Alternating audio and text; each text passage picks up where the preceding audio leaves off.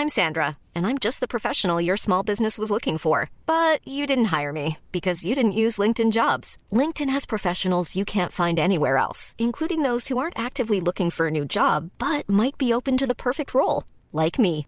In a given month, over 70% of LinkedIn users don't visit other leading job sites. So if you're not looking on LinkedIn, you'll miss out on great candidates like Sandra. Start hiring professionals like a professional. Post your free job on linkedin.com/people today. Planning for your next trip?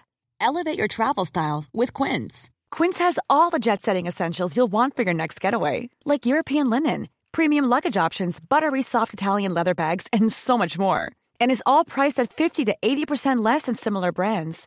Plus, Quince only works with factories that use safe and ethical manufacturing practices. Pack your bags with high-quality essentials you'll be wearing for vacations to come with Quince. Go to quince.com slash pack for free shipping and 365-day returns. Here's a cool fact. A crocodile can't stick out its tongue. Another cool fact, you can get short-term health insurance for a month or just under a year in some states. United Healthcare short term insurance plans are designed for people who are between jobs, coming off their parents' plan, or turning a side hustle into a full time gig. Underwritten by Golden Rule Insurance Company, they offer flexible, budget friendly coverage with access to a nationwide network of doctors and hospitals. Get more cool facts about United Healthcare short term plans at uh1.com. Vi är denna vecka sponsrade av Indie Beauty. Och Sofie, det här tycker jag är extra fint och extra roligt. Ja men Indie Beauty är ju ett skönhetsvarumärke som jag tror att väldigt många känner till, men det jag älskar mest det är att Indie Beauty liksom vill vara mer än bara produkter, vilket de ju också är. Exakt, Indie Beauty står ju för Independent Beauty, skönhet på dina villkor och för din egen skull. Och Indie Beauty tror ju stenhårt på ett alternativt skönhetsideal fritt från måsten, skam och känslor av otillräcklighet. Där är jag helt med Indie Beauty. Jag med. Det är så jag vill att skönhet ska vara. Ja men verkligen. Och vet du vad som är nytt för i år Sofie? Berätta. Från och med i år så skänker Indie Beauty 1% av sin försäljning till Suicide Zero, Tjejzonen och Djurens Rätt. Så när man handlar produkter från Indie Beauty så kan man liksom känna att man också ger tillbaka till samhället. Ja, kraften i tillsammans. Ska jag säga en sak nu då, som Mm. jag, det, men det är detta jag är extra glad över. Nu har Indie Beauty tagit fram en keps och den tycker jag ändå så på sommaren, skydda sig från solen, Jättebra, jag älskar kepsen. men det bästa, de bidrar till Suicide Zeros viktiga arbete för att minska antalet självmord och självmordsförsök. Så för varje såld keps så går hela vinsten, 100 kronor, direkt till Suicide Zero. Då kan man liksom göra nytta både för samhället och sin hud på en och samma gång. Ja, och kepsen kostar 169, men alltså hela vinsten går då som sagt till Suicide Zero. Så om man vill göra skillnad när man är där ute i solen, nu när den börjar titta fram, då ska man välja den här kepsen. Den säljs exklusivt på indiebeauty.se och på Apotea. Tillsammans kan vi skapa en ljusare framtid. Vi ses med kepsarna på! Tack Indie Beauty. Vi är sponsrade av Mindler och som ni säkert vet sedan tidigare så är vi ju ute på psykologresan tillsammans. Men hur vet man egentligen när det är dags att söka hjälp? Ibland uppstår saker i livet som kommer utmana oss och kännas tufft. Det mesta självläker vi oss igenom, för vi är menade att ta oss igenom en viss mängd påfrestningar. Men ibland behöver man professionell hjälp för att ta sig ur jobbiga perioder i livet. Men vart går då gränsen? Vad är en del av livets skavighet och när är det läge att söka hjälp? Det sägs till exempel att stress är farligt, men att det också kan vara bra. Alla sover dåligt ibland, så när har man egentligen sömnproblem? Ångesten kommer väl krypande för de flesta någon gång. Så när ska man se ångesten som outhärdlig? Hur vet jag? Med oss som psykolog har vi såklart min gamla psykolog Linnea Seidbrant. Men Linnea, vad är egentligen utmattningssyndrom? Utmattningssyndrom är en konsekvens av svår och långvarig stress utan möjlighet till återhämtning. Vi är ju då skapta för att klara av stress, men vi behöver också återhämtning. Om du utsätts för för mycket stress under en lång period utan att du får till den nödvändiga återhämtningen så kommer kroppen till slut att säga ifrån. Och det är faktiskt så att alla har en gräns.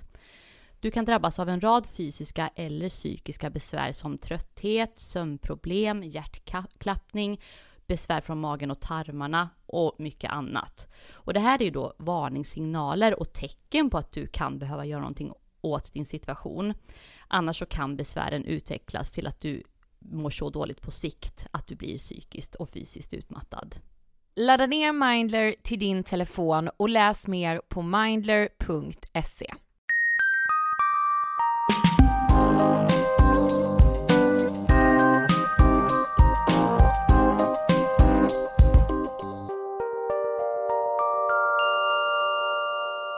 Hej allihopa och varmt välkomna till det fina avsnitt 352 av Ja. Ångestpodden. Ångestpodden. Har någon ångest? Men eh, fråga mig vad som har hänt sen sist. Vad har hänt sen sist? Jag har ju då, när, när det här släpps så har det gått mer än två veckor sedan jag trappade upp min antidepp. ja, Det är en stabilitet som har infunnit sig. skönt. Också börjat komma igång i terapin. Skönt. Jag älskar det. Alltså terapi är utmanande, jobbigt, helt fantastiskt. Jag just nu rent känslomässigt befinner mig på, jag vet inte. Ja, för vad har hänt dig sen sist tänkte jag? Inget speciellt, alltså Nej. så. Det är bara, det händer väldigt mycket inuti mig just nu. Nej, men, Så en inre resa! massa. Nej men jag vet inte, jag eh, bara kommer till så vuxna insikter. Nej Ja. men du vet jag börjar känna att jag börjar, jag börjar ha, jag, jag ser saker på ett annat sätt för att jag, och jag tror det beror på att jag börjar bli äldre. Eller börjar bli, man blir ju alltid äldre men för att jag tror det är en åldersgrej. Ja, jag fattar. Ja. Och eh, ja, det är liksom sjukt när man så här när man, när man ser, när man ser världen eller sina relationer med andra glasögon, Mm. det är lite sjukt. Men det är också lite kul och Men- utvecklande och ja. Det borde du typ gå i terapi för också. Japp, jag vet. Ja, gud det Och kommer, jag vara, kommer göra det. det kommer vara otroligt. Ja. Alltså du vet, jag är så som att jag är så, har gått med i en sekt typ. Att jag är så, alltså terapi är, jag vill så liksom trycka på det på alla människor. Ja. Men terapi är gudskelov också forskningsbaserat. Ja. Och inte så, drick det här teet. Och sen springer du när det är månljus ut och liksom Kul om det hade varit så. Så är det ju inte, men vi älskar ju forskning. Ja. Som bekant. Men någon kanske skulle bli hjälpt av att springa där i månljuset, absolut. Du, på tal om forskning. Ja. Vi är denna veckan sponsrade av Vattenfall. Ja men det här är... Förlåt. Det här är så stort tycker jag.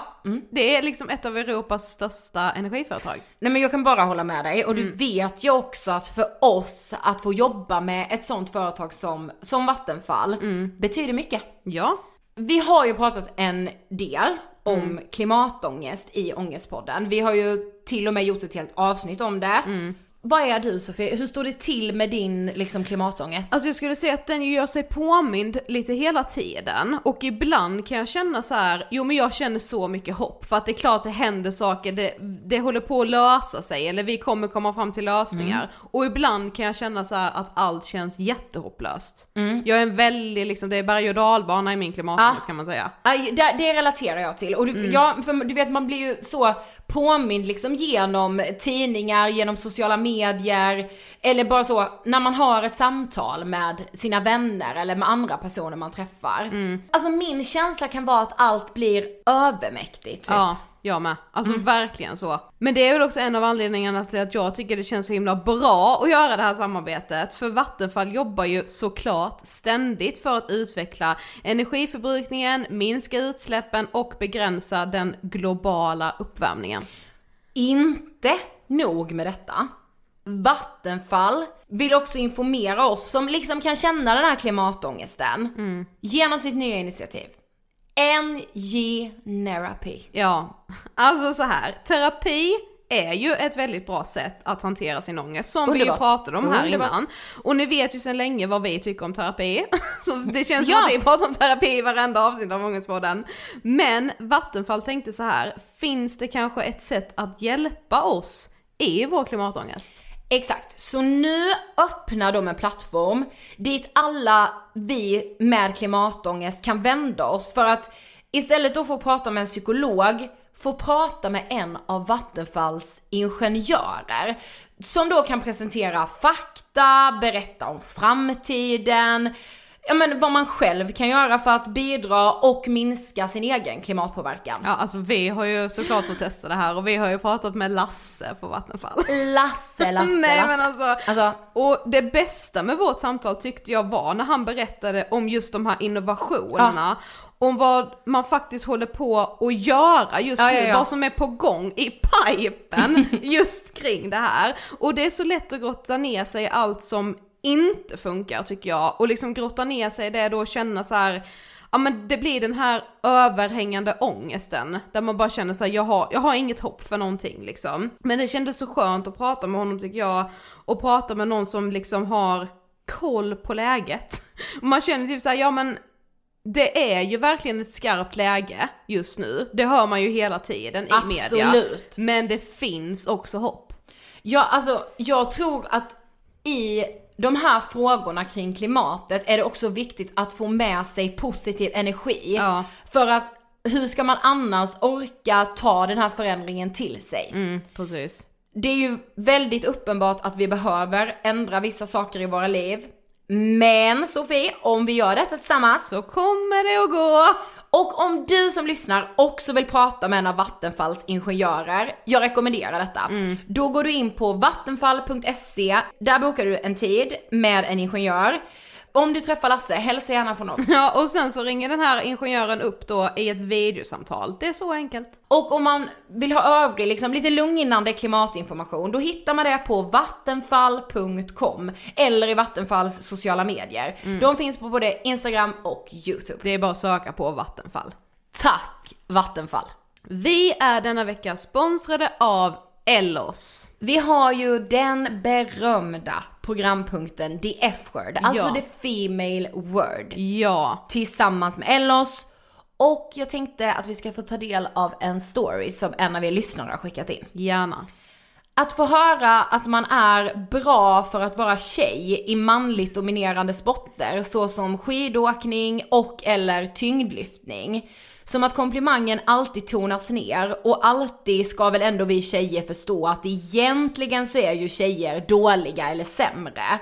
Och presterar du bättre än tjejer överlag så är du i alla fall bra för att vara tjej. Men gud nåde dig, du ska veta din plats och det är att du aldrig blir bra, för bra på en manlig nivå kan du inte nå som fittbärare. Skämt åsido, jag blir förbannad på sådana kommentarer. Förstår att vissa, läs majoriteten av män, tror att det är en värmande komplimang, men den faller platt ner i patriarkatet som talar om att kvinnor inte kan vara bra på något annat än att typ vara skön i sängen och snygg. Nej men snälla, skriker. Ja och det sjuka är, precis som den här personen som skri- har skrivit detta till oss säger, det är så många män som inte förstår hur fel den komplimangen, säger jag nu med citationstecken, landar. Alltså de förstår inte att det blir liksom nedvärderande. För Nej, men- de tror att det är så en värmande kommentar, att så här shit vad cool och grym du är för att vara brud. Alltså, När har du fått höra att du är bra för att vara tjej? Jag har ju redan dragit liksom storyn om när det var en man som blev helt chockad över att jag och min tjejkompis hade kört vår båt ut Mm. till en ö i Karlshamns skärgård. Han sa ju nämligen, ska ni köra, ni kan inte köra iväg utan de som har kört båten. Åh, och vi sa va? Ja vad är de? Era pojkvänner? Det är så jävla sjukt. ja det var sjukt. Eh, men jag har ju även fått liksom höra så här, ja du, fan vad bra du är på att köra bil för att vara tjej. Mm.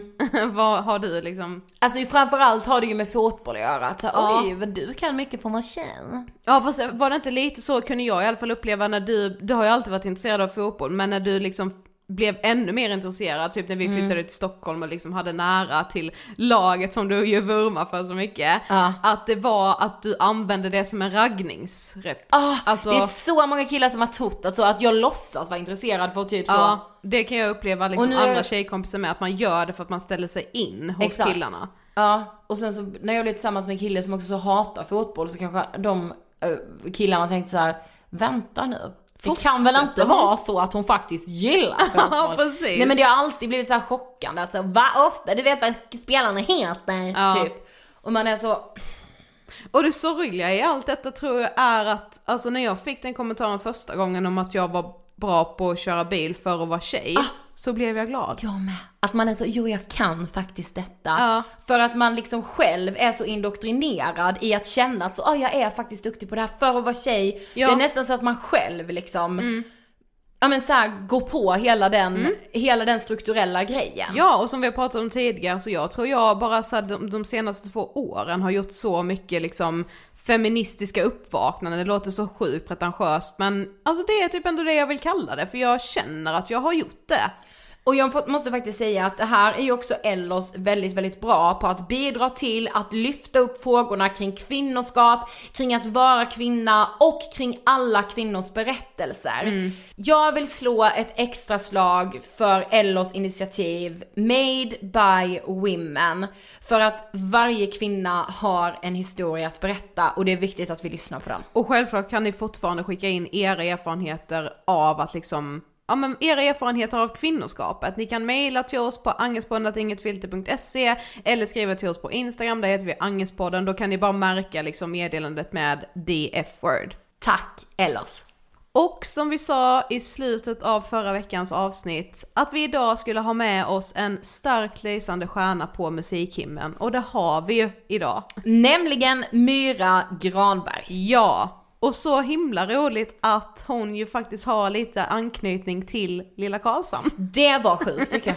Ja. Jag tycker det är helt otroligt. Ja. Myra är ju, som vi sa, liksom en artist som det känns som har fullkomligt har så stormat in på alla topplistor. Mm. Hon har tagit musik-Sverige med storm och hon skriver ju mycket om sin ångest och Ja. att liksom inte må bra. Precis, och hon släppte ju ändå relativt nyligen sitt debutalbum Andra sidan är ni klara och jag säger bara jajamensan fattas bara. Nej men alltså Myra, vi är så redo. Ja. Våra lyssnare är redo. Ja. Vi rullar intervjun med Myra Granberg. Varsågoda! Hej Myra, varmt, varmt välkommen till Ångestpodden. Hej, tack! Så härligt att ha dig här. Jättekul att vara här. Ja. Men också för att vi ju nu innan pratade om din koppling till vår hemstad Karlshamn. Ja. Men precis. Nej men och det är också kul för att, eller jag blev så glad när jag fick den här frågan, Ah. sen när det kom. Jag har ju lyssnat jättemycket på er podd och gjorde det redan när jag, eller strax innan jag flyttade till Karlshamn, för jag bodde Ah. där ett år. Mm. Men 2018 eh, more or less typ hela det året. Liksom, Ah, här. ja då hade vi redan flyttat till Ja, det Stockholm. hade vi. Ja men Ja. precis, Mm. det visste jag. att jag hörde det i podden. Och att det var liksom att jag bara så här, en dag när jag gick på stan typ och lyssnade på er podd och sen så bara, men herregud de kommer ju härifrån. alltså de är ju precis härifrån. Att det bara så här klickar för mig med dialekten och hela grejen. Och jag bara så här, så att jag gick hem till min sambo och bara så här, men hallå liksom. Fy fan vad kul. Mind blown. Och nu är du här. Ja. Och nu är jag här. Cirkeln är sluten. Ja. Ja, fy fan vad fint. Ja. Men du ska få berätta för de som inte vet, vem är du? Men vem är jag? Det är en jättekonstig eh, fråga varje gång. ja, vi vet. Nej men jag, eh, mina yrkestitlar landar väl i någon form av artist, låtskrivare, musikproducent. Eh, men också så här virrig, vilsen person som tycker om att eh, driva på eh, 17 projekt samtidigt. Mm. Ungefär.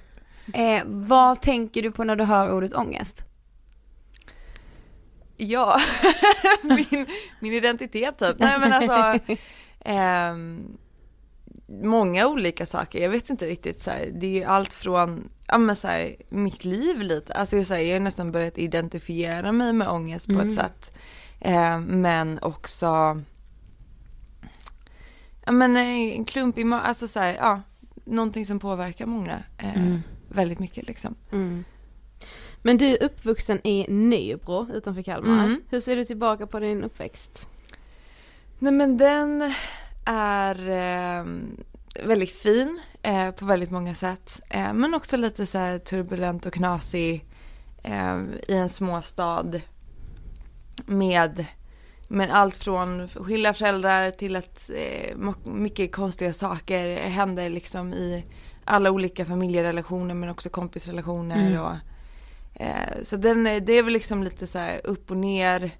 Känns som att den är väldigt så indelad i olika perioder Mm. eh, som kanske inte har värsta titeln men det är så ganska tydligt hur det går i perioder.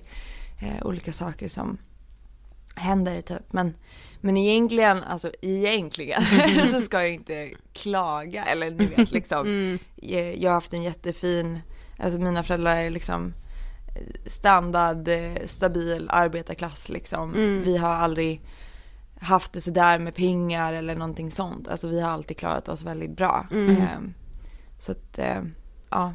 I det stora hela bra. Liksom. I det stora hela bra, men sen så är det, det, jag menar, det är väl alla story egentligen att man har olika saker som påverkar på Mm. olika sätt liksom. Exakt. Mm.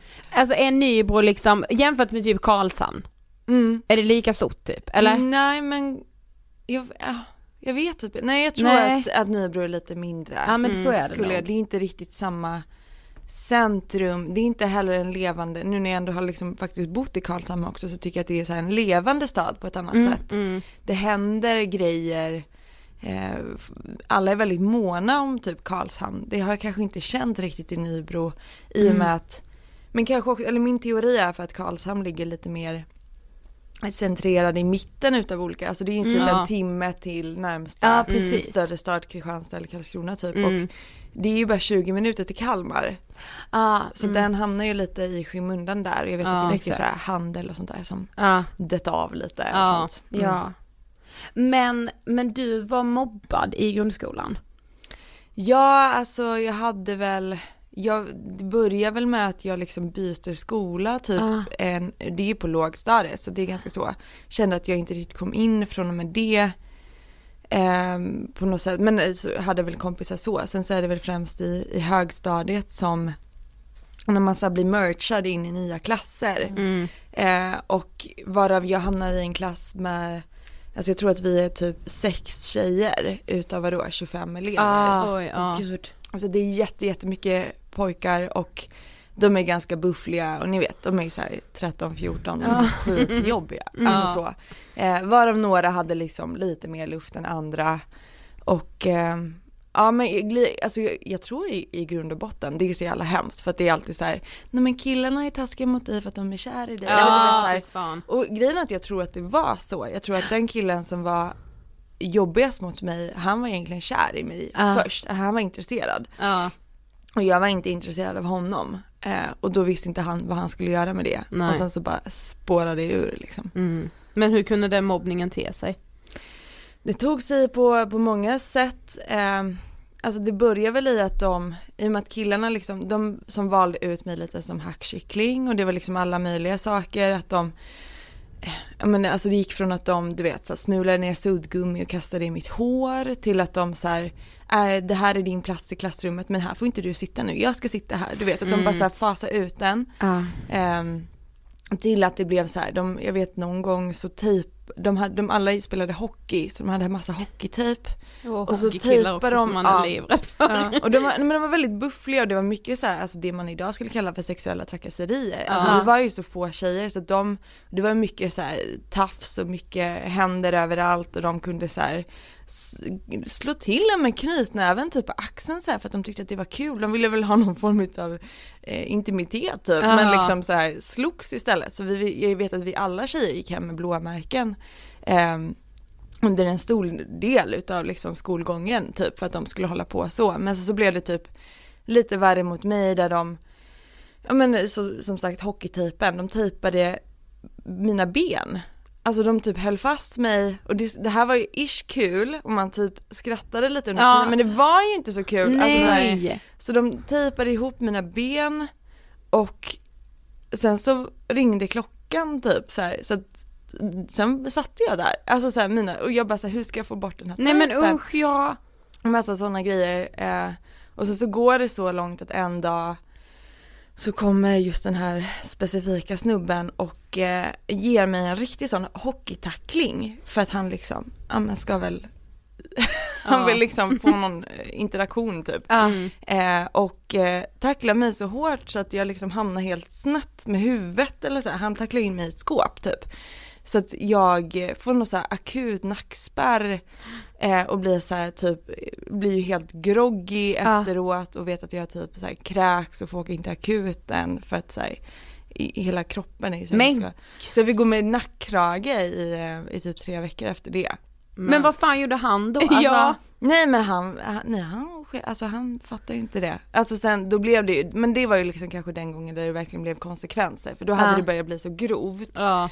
Eh, så att jag menar att jag blir skadad på det sättet gjorde ju att det kopplades in både föräldrar och Ja, lärare då på ett måste annat de sätt. vuxna liksom. agera, Jo men då liksom. måste de agera. Mm. Ehm, och det var väl egentligen då jag liksom började berätta för typ vår ja, men, mentor eller vad man säger klassföreståndare Mm. att så här, men det här, det här funkar inte, jag må, börjar må jättedåligt Mm. liksom.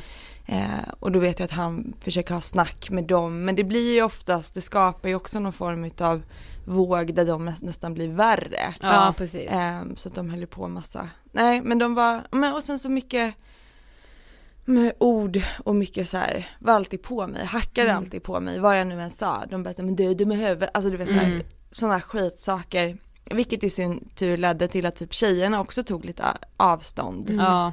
Ehm, så det liksom blev ju både utfrysning och det där. Mm.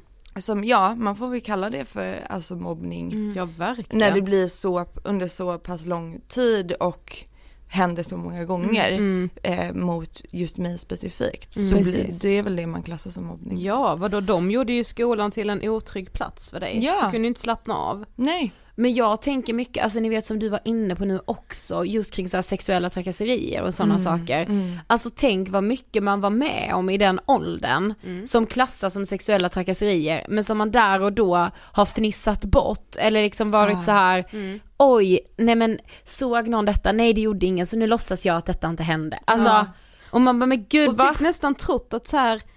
Varför blir jag liksom nervös och varför känns det inte bra? Jag borde typ bli smickrad av detta Ja. för det är väl Ja. det man ska Fast bli. också blivit smickrad. Ja. Att såhär, åh gud Jo, vilken tur att någon med. tafsar på mig. Då Ja, är jag ja. ändå liksom, Gud ja. alltså det är så jävla skevt. Nej men alltså det, är- det är så skevt på så många sätt. Ja. Och liksom, ja men händer överallt och liksom så här, blir väldigt, alltså verkligen på alla intima delar. Men Ja. också typ så här psykiska sexuella trakasserier att de säger bara, varför har inte du lika stora bröst som alla andra Exakt. har? Eller så här, varför ser du ut på det här sättet? Och la la la, liksom så här, kommentera inför alla. Exakt. Hade det där varit på en, liksom en arbetsplats, då hade ju den människan bara åkt ut genom fönstret. Exakt. Alltså, men där och då så tyckte man att det inte var så jävla du vet, det är, bara, det är så killar är. Ja precis. Och det är så Alltid jävla förklarades det Ja. ja. Gud ja, jag tror Ja. alla tjejer har fått den här Mm, bara, mm. nej men han är kär i dig. Exakt. Ja. Alltså. Eller så han är så. Ja. Och man Ja. bara, då, han kan inte vara så. nej, nej, nej men alltså det där funkar inte. Vad Nej, ska han ta vägen i sluta. livet? Ja men han måste sluta.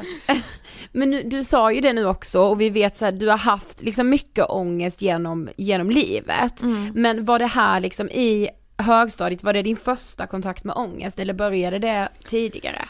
Men jag tror att jag alltid haft olika, jag har aldrig haft liksom så här panikångest eller sådana utan jag har alltid haft en ganska så här ihärdig liksom som bara sitter där hela tiden. Ehm, och jag tror att det kanske det börjar väl mer och mer från egentligen att jag, ja men ni vet så här, föräldrarnas skilsmässa, då är jag typ sex år gammal, alltså så, de ehm, har ju väl gjort sitt bästa såklart men de liksom bråkade väldigt mycket, alltså jag tror mina jag kan nog ändå säga att mina föräldrar hatar varandra. Alltså så här, de har aldrig, det, det blev inget bra liksom. Så att någonstans där skapas det ju en eh, otrygghet och att man känner sig liksom men då, då flyttade vi, då fick jag byta skola och då fick man göra massa sådana saker. Så att det börjar väl gro redan där, även om inte jag, alltså man var så liten så jag vet inte om, man, om det är ångest eller vad det var. Nej, precis, liksom, ja. Eh, men jag tror absolut, eller det som händer är ju att eh, jag har en, eh, min liksom styvmamma, eller min pappas nya fru som jag hade kommit väldigt nära. De träffas väl när jag är typ så här 7-8 typ. Eh, det är jättetragiskt det här men alltså hon går bort eh, all of a sudden, alltså hon verkligen trillar ihop, Åh fy. Ja. hjärtat stannar på väg till jobbet och då är jag 12 och från och med det så är det ju otroligt skakigt. Ehm, och då 12, ja och sen så började jag då högstadiet så Ja. det var liksom och sen började de där grejerna hända där Mm. typ och att det var kanske inte den lugnaste situationen hemma hos min mamma heller när man bodde så varannan vecka typ. Så att det, det är väl någonstans där som det börjar ligga väldigt tungt i bröstet liksom. Och att det bara, ja det släpper aldrig, det liksom alltid sitter där och sen så men det är ju alla möjliga olika saker som händer i liksom hormoner och Ja, alltså, Ja. Och att då liksom redan gå in i liksom så tonåren, puberteten, allt det Mm. med liksom någonting som är så stort och sorgligt och liksom Mm, en mm. sorg. mm. Ja. Ja men det, det blir ju liksom kaos, Mm. verkligen. Ehm, så från och med det så har jag, jag, alltså när jag tänker tillbaka om jag ska vara ärlig, jag måste ju ha varit jättedeprimerad Mm. eh, i början där. Varför jag också tror att med vissa utav mina, liksom de kompisarna jag hade, alltså de pall, man pallar inte riktigt vara när man är så liten, när det ska vara fokus på killar och att man Nej, köper ja. första stringtrosan. Ja, ni vet, ja här. Medan jag är liksom helt förstörd och ledsen hela tiden. Alltså Mm. ni vet så här, det är svårt kanske att vara eh, med som kompis där typ. Så att allt det här bara byggs ju upp. Det är liksom så massa, massa olika scener. Så att det är egentligen kanske från ja, men 12-årsåldern som Mm. det verkligen så här kickar igång typ. Mm. Men när kom du i kontakt med musiken? Men jag hade väl alltid haft någon form av intresse ehm, och liksom från typ så musiklektioner och att jag någon gång i men kanske mellanstadiet kommer på att jag är, är bra på att sjunga, att det är någon som säger bara men du är bra på det här eller så att Mm. du är duktig på det här sättet och och så, men jag vet att redan från när jag var liten så höll jag ju på med olika texter. Jag hade alltid, det, det kan jag tänka mig att det är många som hade så här, men jag gjorde som egna konserter. Ja, det gjorde jag med. Min stackars familj. eh, det är så här efter jobb och skola så bara så här, nu ska ni sitta i soffan. Ja, och så, så dukar man fram lite sådana här skorpor typ. och bara nu är det konsert. Mm. Och så kunde jag hitta på olika titlar i mitt huvud. Jag bara vilken låt vill ni ha? Det fanns ju inga låtar. Men alltså jag bara så här, den här låten, den här låten eller den här låten. Och så fick de säga en och sen så liksom improviserade jag utifrån det. Typ. Ja. Så det fanns ju någonting ganska, alltså det fanns ju tidigt så, Mm. men jag ska säga att det är väl först när jag är runt, men där 12-13 där jag lär mig spela gitarr lite grann. Får låna en gitarr eh, och då jag liksom, men, ja, börjar skriva någon form av låtgrej. Säkert Mm. för att det var mycket här ventilera och mycket Mm. som jag försökte, behövde få ur mig men som var svårt att liksom så, och då var ju musiken enkel att liksom ta till sig. Och sen så började jag också hamna i lite sådana musiksammanhang. Det är allt från att jag liksom är med i en jäkla eh, punkband. Det är väldigt spännande vad som Mm. händer där. Men sen är det liksom framåt gymnasiet som eh, jag men jag börjar egentligen på typ så här handel och turismlinjen och mår liksom piss där och bara så här, jag hatar det här, Ja. jag vill inte lära mig en jävla PLU-kod liksom. Ehm, och så att jag typ hoppar av gymna- eller så här, jag går aldrig till skolan Ehm, och bestämmer mig då istället för att jag vill söka till ett musikgymnasium Mm. som ligger i, i Torsås. Mm. Eh, så det är liksom på den vägen. Jag tror egentligen från att jag börjar på det här musikgymnasiet sen då 2011, det är liksom då det kanske börjar bli mer, ja men musik är min identitet, Mm. grejen liksom. Mm. Men gick det ändå ganska fort till att musiken liksom fick en stor betydelse för dig? Alltså du var inne på det att så här, du skrev ändå för att liksom ventilera. Mm. Ja, nej men precis den, alltså den tog ju, Det den fäste lite... ju sig i Ja. någonting eh, där jag kände att det var skönt. Men Ja. också för att, men jag kanske hade lite svårt att veta vem jag var. Eller så här, vem, Mm. ni vet så här, jag var inte speciellt bra på fotboll även om jag spelade fotboll väldigt länge. Och liksom så här, var väl inte, jag var ju inte den populära ungen som liksom, du vet så här. Så jag letade väl efter någonting som skulle vara min grej. Mm. Eh, och då bara föll sig det i det typ. Eh, och sen så, ju mer jag insåg att så här, men det här är kanske någonting jag typ kanske är bra på, eller Ja. jag vet inte, så, så liksom tog jag väl mig an det eh, Mm. mer och mer hela tiden. Mm. Men sökte du någonsin någon hjälp, alltså då när du mådde som sämst och liksom med mobbningen och, och allting? Jo men alltså jag har ju gått, jag vet inte hur många gånger hos BUP och, och Mm. liknande. Jag har också Nej men alltså det är så många och kuratorer och det är liksom så här, alltså det är, jag vet inte hur många omgångar. Eh, men de släpper ju alltid personerna ganska snabbt Mm. ändå. Eh, så att, och det, grejen var att jag, eftersom att det någonstans, jag blev identifierad som så här, eh, en problematisk, eh, alltså så här, inte att jag var störig eller bråkig men jag bara kände att typ alla mina kompisar, ja men de skulle iväg till sjön och bada. Nej men jag kan, eller så här, Myra kan inte för Myra ska till BUP. Alltså det är, inte Ja. så här, det är inte så jäkla kul då. Nej. Så jag vet att jag liksom började, jag sket i att gå dit många gånger och sådär. Så då, då faller man ju lite mellan stolarna på Mm. något vis. Sen när jag är sådär, men jag vet där, när jag börjar på den här handel och turism i Nybro så är jag väldigt deprimerad typ och väldigt så här, trött på skolan, trött på allting typ. Varav jag söker mig självmant till kuratorn på den gymnasieskolan men då är hon typ så här, jag hinner typ snacka i 20 minuter och hon Ja. bara du har så mycket problem så att jag orkar inte ens så här. Hon bara jag, jag ringer någon eller så här, jag Nej, men- ringer BUP typ. Ja. Ehm, så då skulle jag börja göra det men då blir det liksom en, en grej i sig för då var jag tvungen att åka in till Kalmar för Ja, att det gå blir- där och fick ju liksom så hoppa över vissa delar av skoldagen för Ja. att hinna in dit. Alltså Det blir sånt jävla projekt. det blir ett sånt projekt Ja. typ och när man, alltså jag tror vi alla som har ångest eller har mått liksom sådär riktigt dåligt ibland, det är så otroligt svårt att söka hjälp och Mm. känna att man Hiring for your small business? If you're not looking for professionals on LinkedIn, you're looking in the wrong place. That's like looking for your car keys in a fish tank.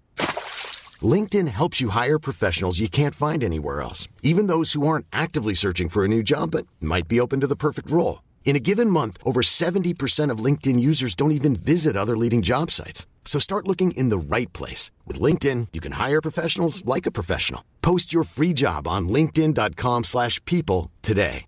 Cool fact a crocodile can't stick out its tongue. Also, you can get health insurance for a month or just under a year in some states. United Healthcare short term insurance plans, underwritten by Golden Rule Insurance Company, offer flexible, budget friendly coverage for you. Learn more at uh1.com. Hey, it's Ryan Reynolds, and I'm here with Keith, co star of my upcoming film, If, only in theaters, May 17th. Do you want to tell people the big news?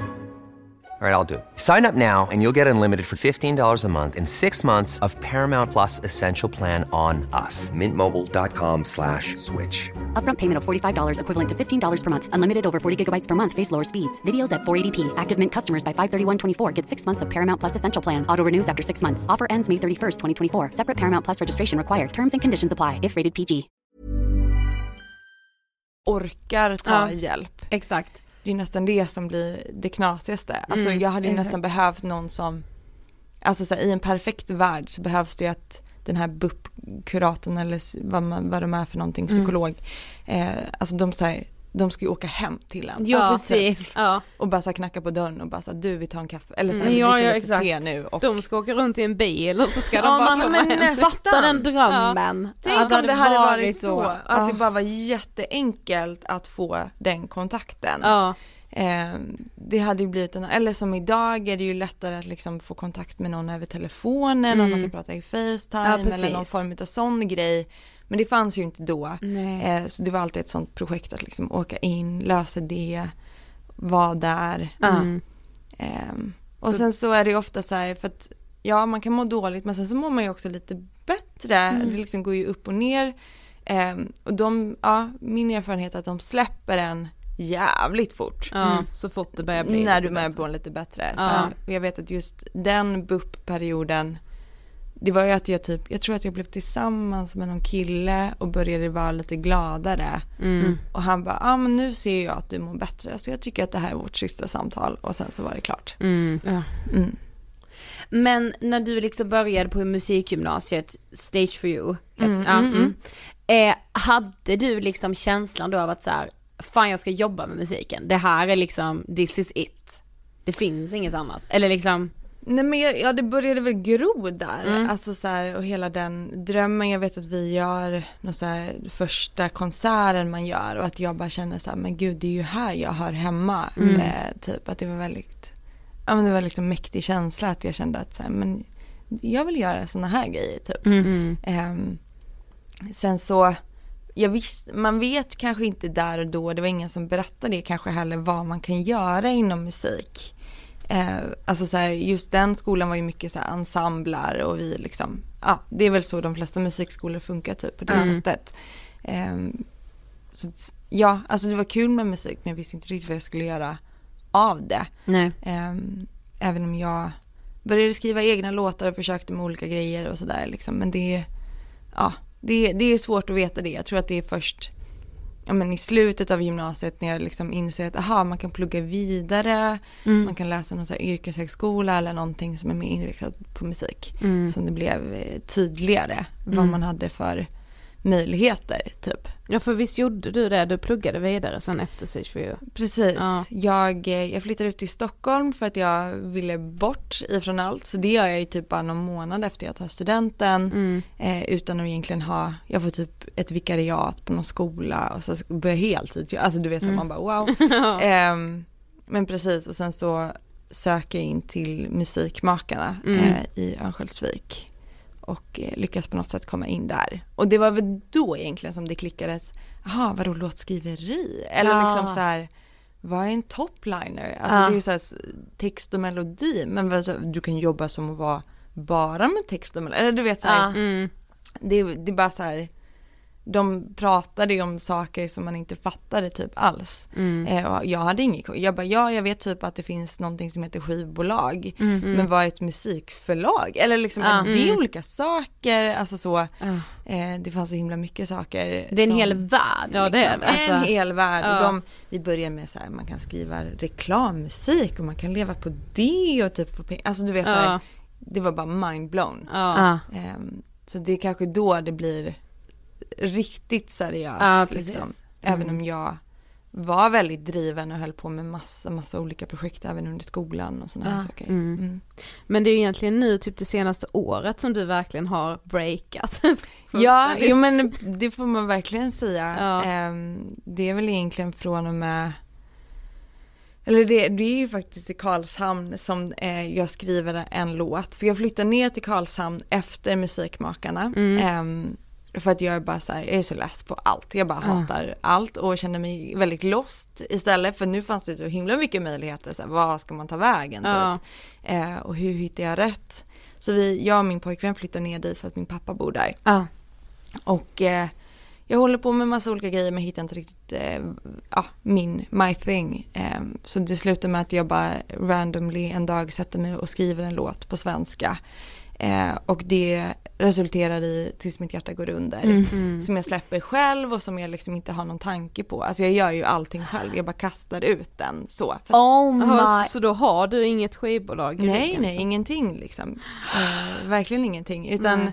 eller Och så här, var, var det 2019 den kom? eh, 2018. Ja, den kom 2000. Ja. Gud, ja. Mm. Mm. Ja men jag släpper den, då har vi ju bott i Karlshamn i några månader så jag släpper den, jag vet att det är 15 augusti Mm. 2018 så har jag slängt ut den bara sådär. Mm. Eh, och sen så händer det egentligen ingenting med den eh, förrän som några månader då börjar den ticka på och sen året efter så har den nått typ så här 3 miljoner streams helt på egen hand och det är då jag eh, typ kommer i kontakt, eller liksom det är en, en head of A&R på Sony Music som hojtar och bara så här, du jag har hört den här låten, kan du ringa mig? Men fan, vad, har du någon aning om hur den spred sig? Alltså, Alltså jag har ju, jag hade ju olika teorier om att det var eller så här, för att då under gymnasiet hade jag haft ett, ett band Ja. typ eh, som hette Punkbanken. Ja, eh, vilket jag har hört om detta. Flummig. Väldigt här plojig grej. Ehm, men vi hade skrivit en låt, jag och eh, den andra snubben som var med i det. En låt som heter Älska mig eh, som vi typ släpper 2012 eller något sånt där. Alltså vi, den kastar vi också bara ut. Och, Mm. Ehm, där 2018, den, då har den ändå så streamats typ så här 8 miljoner gånger någonting. Aha. Helt på egen hand, alltså så. Mm. Och den ligger under en artistprofil som heter Myra Granberg. Alltså jag hade släppt den under mitt eget namn. Ja, mm. Men det var det enda som var släppt under det namnet. Så. Ja. Mm. så det, det som jag var liksom nyfiken och typ, eh, ja, liksom kolla lite läget i var, kan jag skriva en likadan låt? Ja. Kan jag göra det där en gång till? Kan jag hitta samma målgrupp som ändå så här svävar i För den, just den här Älska mig-låten hade aldrig haft några lister utav Spotify utan Nej. den liksom levde på någon form utav så här men det som Spotify, de har en egen så här radio Ja, Ja, där de bara slumpar fram Ja, låtar. mm. Och det var där den hade liksom någon form utav liv. Ja. Eh, så det var att folk liksom bara, de hittar den för att den föreslås när de liksom, ja, den kommer upp som nästa låt fast Mm. de inte har satt på den själva. Ja. Ehm, så det var liksom det jag var lite ute efter, bara så här, kan jag göra det här en gång till? Ja. Kan jag liksom lösa det här på något sätt? Och det, ja det funkar. Så Oh jävla my, gött. alltså det är så jävla jävla häftigt, alltså jag dör för sånt här. Och jag minns ju också, alltså jag minns ju när den här låten kom. Ja. Alltså för mig, alltså jag vet inte varför jag tänker 2019, alltså Jo men det är ju då det börjar bli någonting. det är då den liksom börjar bli jätte, alltså Jo, för jag precis. såg nu den har typ så 37 miljoner. Alltså, ja, jag vet, det är nej, men helt jag sinnessjukt. dör. Men det är för att, för att jag eh, eh, licensierar den här till Sony Music efter att vi har fått kontakt. Ja, ja, ja, Eh, och det är deras push som får den att bli så otroligt eh, liksom stor i streams på det sättet. Alltså Mm. den hade ju kommit långt på egen hand men men det krävs ju oftast lite muskler Mm. eh, varav de klev in och det var ju hösten 2019. Men det är ju, det är ju kanske först när jag sen på hösten 2020 släpper en låt som heter Håll käften och Ja. försvinn. Ja. Som det liksom börjar hända ännu mer grejer Ja. liksom. Mm. Ehm, och sen så, ja men då, och då finns det mer liksom ett artistprojekt och Mm. en plan och allt det här liksom. som händer. Men hur kändes det att få liksom det här från Sony Music, alltså att någon hör av sig och bara så här, hej kan du ringa, alltså Mm. Nej men det, det är ju galet för att alltså från musik, alltså det var ju det man jagade Mm. ifrån skolan också, det var ju det alla jagade. Mm. Eh, så det var väl jättelustigt liksom. Mm. Eh, också så här så jävla classic, jag vet inte, någon så här Hollywoodfilm typ. Ja. Där någon bara så här hojtar typ och bara så här, hej kan du ringa mig? Och jag bara, om du bara visste vad jag har gjort för att försöka få tag Om jag kan nummer, ringa. Liksom. Jag bara, om? Jag bara, när ses vi? Ja. Men visst är det så att du både skriver och producerar Mm. själv? Varför har det blivit så? Nej men alltså det, ehm, det är ju ett sätt att liksom uttrycka sig fullt ut. Mm. Ehm, Det är klart att skriva en låt är ett sätt men producerandet, alltså någonstans så måste du ha det där bakom också, Mm. liksom det instrumentala. Och eh, ja, alltså det, det är bara en sån frihet att bara kasta sig in i det. Så att jag började väl ganska tidigt egentligen redan på musik, eller egentligen redan på gymnasiet och försökte producera men eh, blev oftast ganska så här, men lite nerputtad ifrån den rollen. Det var Mm. alltid någon som kunde göra det bättre. Eh, och när man är helt grön så tänker man att ja gud vad skönt, då behöver inte jag göra det. Ja, precis.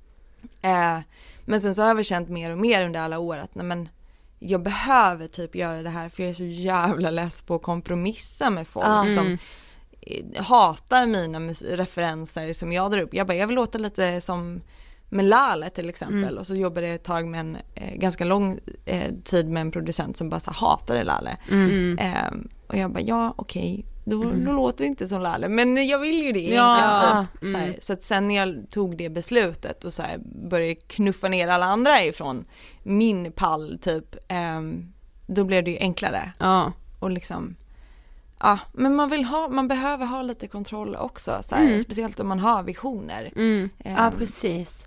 tro lite på sig själv var, blev väldigt viktigt för mig. Det skapade också, bidrog så mycket till typ min självkänsla. Ja, jag jag, fattar det. ja fy fan. Ja. Eh, att jag bara så, men jag, eftersom att jag kan det här då är jag ju värd någon. Eller Mm. ni vet liksom Mm, mm. hela det och att jag typ började skita fullständigt i att det var någon annan som kunde göra det bättre. Ja. För det är inte det det handlar om. Det kommer alltid vara någon som kan utklassa dig på någonting. Precis. Men det är så här, det är bara att tugga i sig, så så kommer det alltid vara. Men så länge jag tycker att så här, men jag går upp och gör någonting som jag är jävligt stolt över. Mm. Det är ju, alltså i slutet av dagen är fan det, det enda viktiga på något Ja. sätt. Ja men det blir ju det och att man liksom får äga det, äga sin story, hela sin grej Mm. själv på något vis och känna att men det här bottnar i mig. Mm. Behöver inte, för det som, för att jag efter jag flyttade tillbaka från Karlshamn då, det är ju typ alldeles i slutet av 2018. Då hade vi, vi hade kanske hunnit bo där i tio månader och sånt Mm. där. Eh, och så börjar jag ju jobba med olika grejer och jag liksom känner att jag blir väldigt så här, ja men nerputtad ifrån kanske vad jag vill göra men jag var ändå så här, man är väldigt taggad på att bara få göra någonting. Ja och Så så ska man vara tacksam för att någon har ringt. Exakt. Nej men alltså så här att det är någon som vill någonting. Mm. Det här var liksom innan Sony Music grejen utan det är typ så här året mellan från att jag släpper tills mitt hjärta går under och sen så. Ja. Ja. Ehm, och jag höll på att jobba massa liksom så men började bli um, jättedeprimerad igen Ehm, och liksom orkade typ, alltså det, så, det är typ den absolut djupaste depressionen jag haft där jag inte liksom, jag kunde inte gå upp ur sängen. Mm. Alltså det Mm. gick typ inte. Eh, och jag kände mig alltid så himla skyldig mot alla andra. Att så här, jag måste stiga upp för någon annans skull. Mm. Eh, istället för min egen skull. Och det slutade ju bara i totalt kaos. Alltså det blev ju verkligen inte bra. Eh, och började gå psykologer och äta antidepressiva och hela den biten så här. Eh, men sen när jag liksom började ta mig upp lite igen och började resa mig upp så, så är det just att jag hittar motivationen i att så här, men jag vill bara göra någonting själv. Ja. Jag vill bara göra någonting för min skull. Mm. Skriva en låt som jag tycker om typ. Ja. Ehm, och det är bland annat den här Är du min nu eh, som sen Ja. släpps. Så att, alltså hade inte jag hunnit skriva de där låtarna då tror jag inte det hade blivit samma grej med just Sony Music och skivbolagsdealen. Nej. För då hade det inte funnits något mer material. Mm. Ja, ja. Så den timingen är också så här helt sjuk. Mm. Ehm, för jag tror inte de hade kanske signat mig på det sättet som det blev. Om inte jag hade haft någon annan musik också. Mm. Nej precis. Ja. Mm. Men vi läste någonstans eh, att du liksom har beskrivit musikbranschen som väldigt fördomsfull, alltså kanske framförallt mot kvinnor som det ju alltid är var vi än är liksom. Men på, på vilket sätt har du märkt av det? Men alltså på otroligt många sätt eh, såklart. Ehm, alltså det, vi har ju på något sätt, alltså hela samhället är uppbyggt på att vi har satt in olika kön i olika roller liksom. Ehm, och så blir det ju även här och jag väl, det är väl många som säger bara, men proddar du verkligen på riktigt liksom? Ehm, och jag bara, jo, jo men jag gör det. Och så kommer liksom frågan igen typ bara några minuter efteråt, bara, jo men alltså gör du verkligen det? Och man bara säger Ja, Ja. jo, jo men jag gör det liksom så här, snälla tro på mig. De bara, vad fan är du lall eller? Så här, jag bara, nej, nej, nej men jag är jag. Eller liksom så här. Som att så finns bara en kvinna som ska... Det finns Ja, bara en kvinna som kan det här i Ja. hela världen typ. Ja. Nej men att det blir väldigt så, och då kan de dessutom börja gå in på så här, jaha men eh, vad lever du i för relation? Och jag bara, jaha vad har det med saken att göra typ? Och de bara säger nej men, va? och jag bara, jo men jag har en pojkvän och de bara, ah, okej men han, proddar han eller? Nej men Så här. Och jag bara, jo han är musikproducent, men, de bara, ja ah, men då är det han som gör dina grejer. Och jag bara, nej det är inte det. Liksom vad, hur, det är så Fan, jävla alltså, sjukt. massa sådana grejer. Som när vi alltid får frågan, men vadå jobbar ni med podden på heltid? Ja. Vi bara, skulle ni fråga Filip och Fredrik det eller? Mm, nej men alltså, eller skulle hur? jag aldrig göra. Ja. Men, Nej. Men va, men va, alltså ni lever på eller? Alltså det är så här, Ja, det blir helt så. Men nu har du ju precis, precis släppt ett nytt album, andra Mm. sidan är ni klara, som är, för övrigt är så Nej, jävla men alltså jag älskar det! Alltså, Men hur skulle du beskriva albumet? Eh, men det är ju väldigt, eh, alltså personligt. Eh, det är väl det som också är fint när jag var så här, jag får göra allting själv, liksom, eller så mycket jag vill. Jag får bjuda in folk också, eh, Mm. vilket jag har gjort.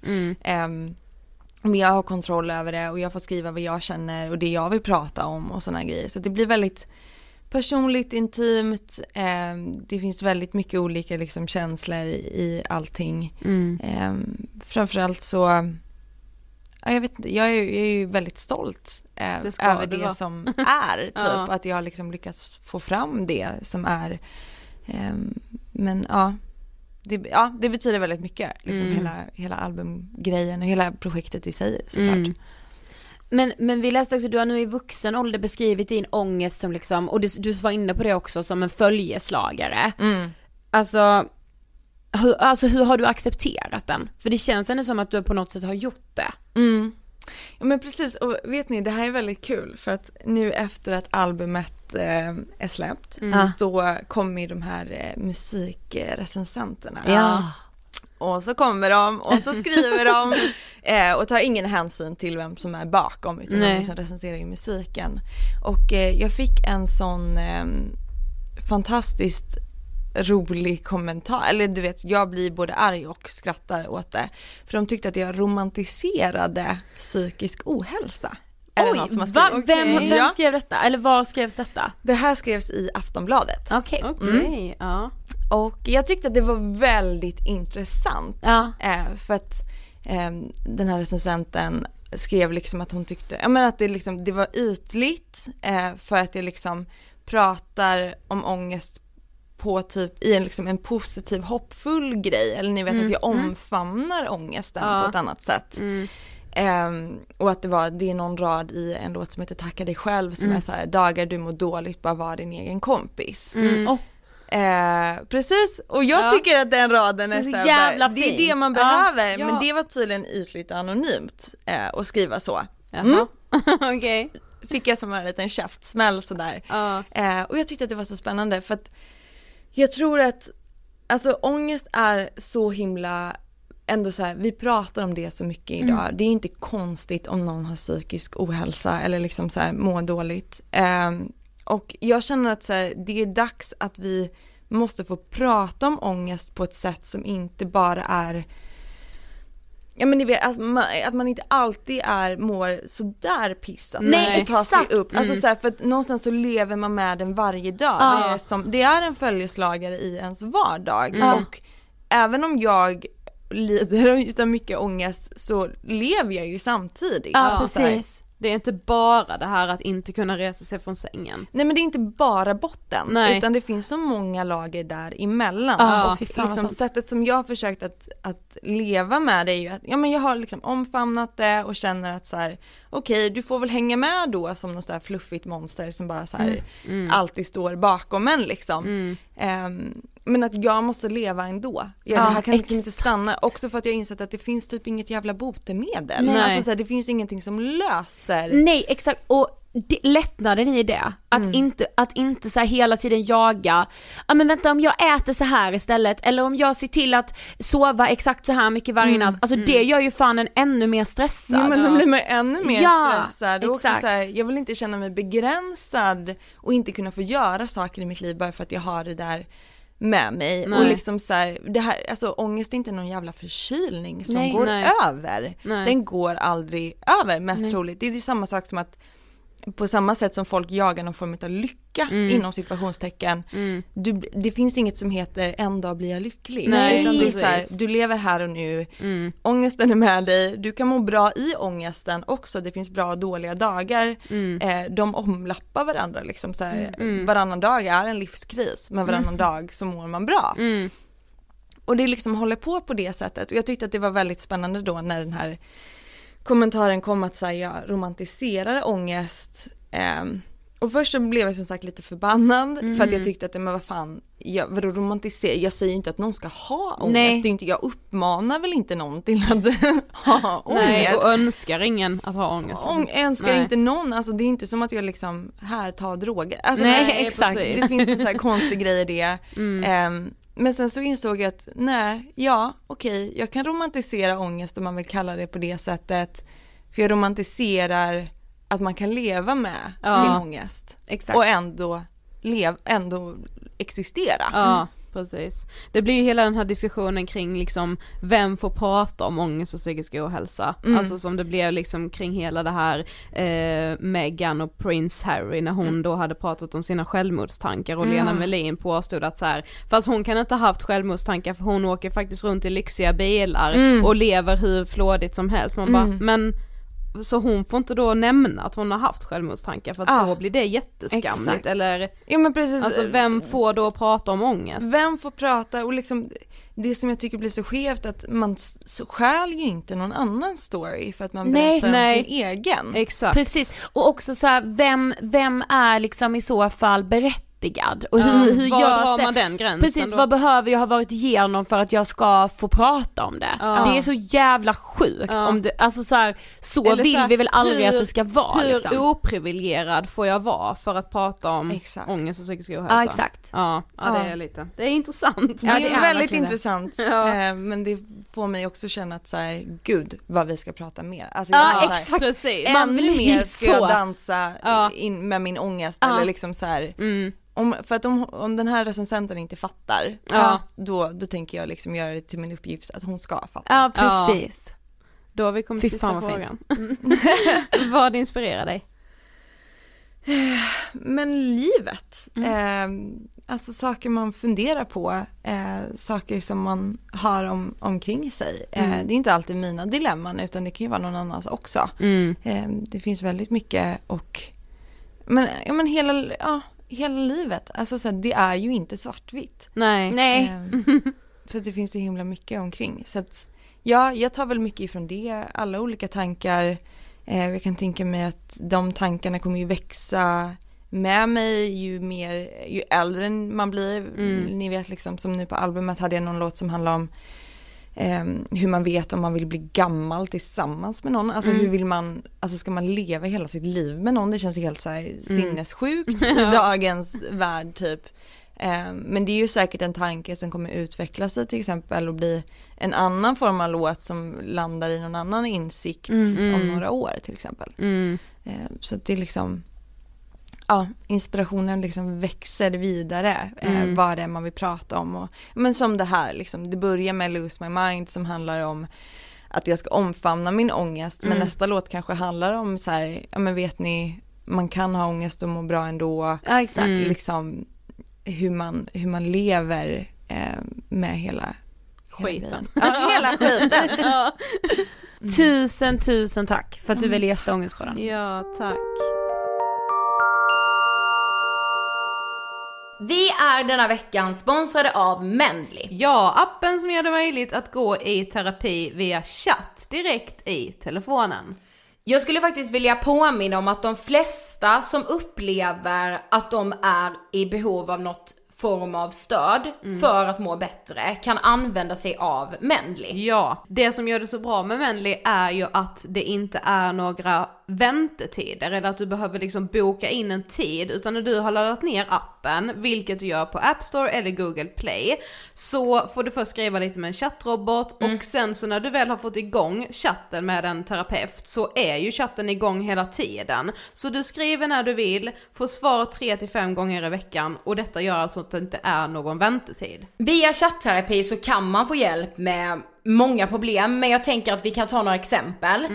Nedstämdhet, oro, stress eller sömnproblem till exempel. Mm. Och det behöver ju heller inte vara så att du skriver ett meddelande och sen behöver du sitta och vänta på att du ska få svar, utan händer det då en situation eller kommer du på något mer som du vill tillägga i chatten, då skriver du bara igen liksom. Så du, du skriver så mycket som du känner att du behöver. Ja, viktigt att komma ihåg är att du måste vara över 18 år för att använda Mendly. Och du loggar in med mobilt BankID, så det behöver du också ha. De har 17 000 hjälpta användare, över 100 stycken legitimerade psykologer eller psykoterapeuter och 92% nöjda användare. Vi och Mendley tycker också det är viktigt att påminna om att vid akuta psykiska problem eller allvarliga självmordstankar ska du ringa till 1177 för att få kontakt med din närmaste akutpsykiatriska mottagning. Och om du känner att det är livshotande ska du såklart alltid ringa 112. Och vill ni läsa mer om Mendley så kan ni självklart göra det på mendley.se. Tack Mendly!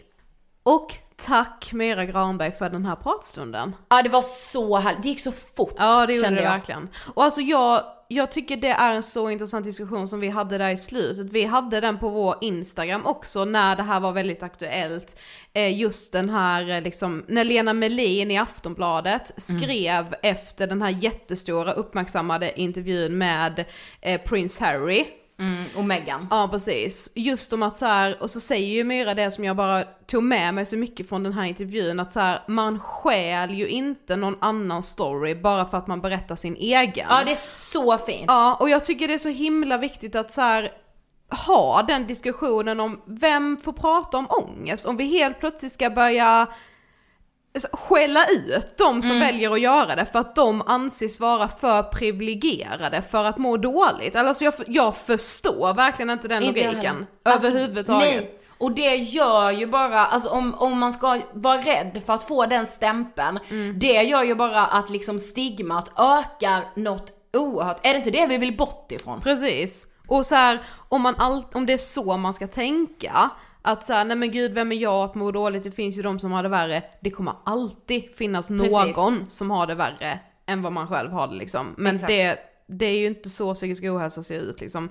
Trodde ändå att vi hade kommit lite längre men ja. Men Myra sa så mycket klokt, jag är så glad att hon vill gästa oss. Ja, tack så jättemycket Myra för att du vill gästa Ångestpodden. Åh gud, att vi ska få avsluta nu med, det här är ju min favoritlåt av Ja. Myra någonsin. Ja den är otrolig. Den finns ju på nya plattan, Självklart. andra sidan är ni klara, och den heter First Aid Kit. Alltså jag vill dansa, jag vill vara på fest, jag vill vara liksom lite så tonåring. Nu lyssnar vi och så hörs vi nästa vecka.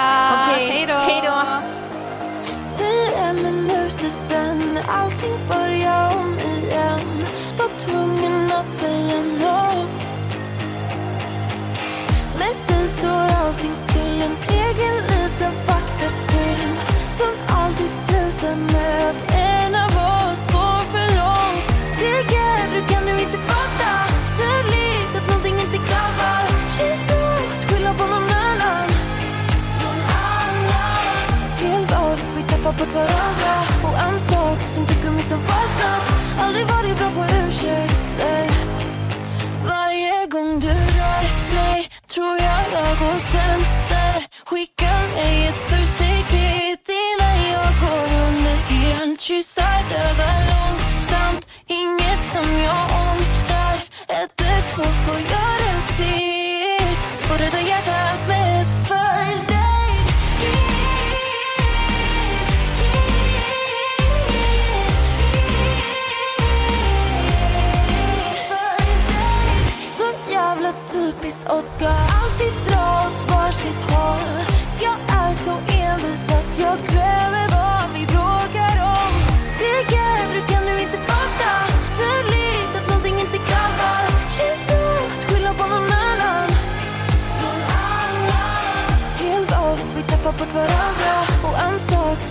som fastnat Aldrig varit bra på ursäkter.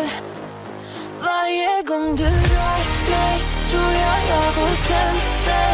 Skickar mig ett first aid innan jag går under helt Kyssar dödar långsamt, inget som jag ångrar.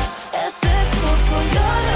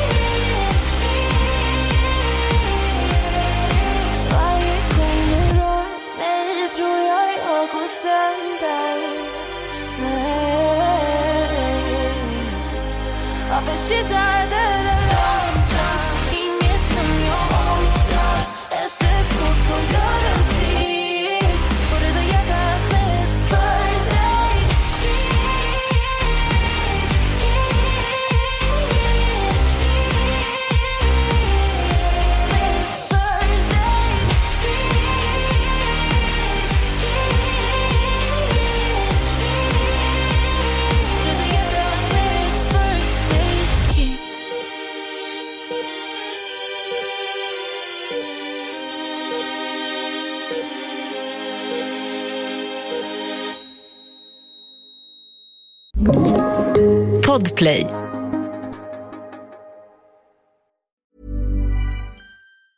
Even when we're on a budget, we still deserve nice things. Quince is a place to scoop up stunning high-end goods for 50 to 80% less than similar brands. They have buttery soft cashmere sweaters starting at $50, luxurious Italian leather bags, and so much more. Plus, Quince only works with factories that use safe, ethical, and responsible manufacturing. Get the high-end goods you'll love without the high price tag with Quince. Go to quince.com slash style for free shipping and 365-day returns. Even when we're on a budget, we still deserve nice things. Quince is a place to scoop up stunning high-end goods for 50 to 80% less than similar brands. They have buttery soft cashmere sweaters starting at $50, luxurious Italian leather bags, and so much more. Plus, Quince only works with factories that use safe, ethical, and responsible manufacturing. Get the high-end goods you'll love without the high price tag with Quince. Go to quince.com slash style for free shipping and 365-day returns. Mom deserves the best, and there's no better place to shop for Mother's Day than Whole Foods Market. They're your destination for unbeatable savings, from premium gifts to show-stopping flowers and irresistible desserts. Start by saving 33% with Prime on all body care and candles. Then get a 15-stem bunch of tulips for just $9.99 each with Prime. Round out Mom's menu with festive rosé, irresistible berry chantilly cake, and more special treats. Come celebrate Mother's Day at Whole Foods Market.